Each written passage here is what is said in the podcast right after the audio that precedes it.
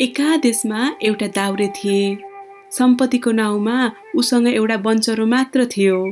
त्यही बन्चरोको सहायताले ऊ बाँचेको थियो। एक दिन त्यो दाउरे कुनै पोखरीको नजिकमा रुख काटिरहेको थियो। उसको हातबाट एक्कासी बन्चरो फुत्केर पोखरीमा खस्यो। पोखरी निकै गहिरो थियो। बिचरा दाउरेले बन्चरो झिक्न सकेन। ऊ अत्तालियो र रुन कराउन थाल्यो। उसको रुवाई सुनेर जलदेउता पोखरीबाट बाहिर निस्के अनि उसलाई सोधे ए दाउरे तिमीलाई के भयो? किन रोएको? दाउरेले आफ्नो सम्पूर्ण हाल सुनायो। यो सुनेर जलदेउता पानीमा पसे। एकैछिनपछि जलदेउताले सुनको बन्चरो ल्याएर देखाएर भन्यो तिम्रो बन्चरो यही हो? दाउरेले भन्यो यो मेरो बन्चरो होइन। मेरो बन्चरो त यस्तो छैन। जलदेउता फेरि पोखरीभित्र पसे। एकछिनपछि उसले चाँदीको बन्चरो देखाएर भन्यो ए दाउरे यो बन्चरो तिम्रो हो?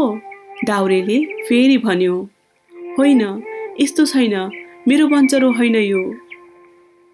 दाउरेको यस्तो जवाफ सुनेर जलदेउता फेरि पानीभित्र पसे।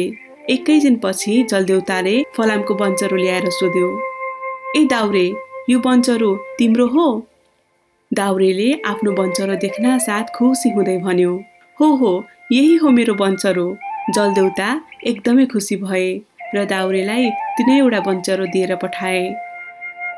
दाउरे पनि एकदमै खुसी भएर घर फर्कियो।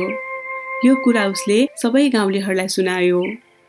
यो कुरो सुनेर एउटा अर्को दाउरेको मनमा लोप उत्पन्न भयो। उसले जलदेउतालाई छक्काएर सुनको बन्चरो ल्याउने विचार गर्यो। लो बिदाउरे फलामको द्वञ्चरो लिएर पोखरीको छेउमा गयो। उसले रुखमा चढेर दाउरा काटे जस्तो गरेर आफ्नो फलामको बन्चरो पोखरीमा खसाल्यो। बन्चरो खसिसकेपछि आलप बिराप गरेर रुन थाल्यो। एकैछिनपछि जलदेउता बाहिर निस्किए। उनले दाउरेलाई सोध्यो तिमी किन रोएको? लोभी दाउरेले भन्यो मेरो कमाइ खाने भाँडो बन्चरो पोखरीमा खस्यो। यो सुनेर जलदेउताले पोखरीभित्र गएर सुनको बन्चरो ल्याएर देखाए। यो तिम्रो बन्चरो हो दाउरे। दाउरे मुसुक्क हाँस्यो। हो यही हो मेरो बन्चरो दाउरेले यति मात्र के भनेको थियो जलदेउताले लोभी दाउरेको फटाइ बुझिहाले। उनले दाउरेलाई एकदमसित हप्काएर पोखरीभित्र अलप भए अनि कहिल्यै फर्किएनन्। उनले अरूको सामानको लोभ गर्दा सुनकै बन्चरो त परै जाओस्। आफ्नो फलामको बन्चरो समेत घुमाउन पुग्यो।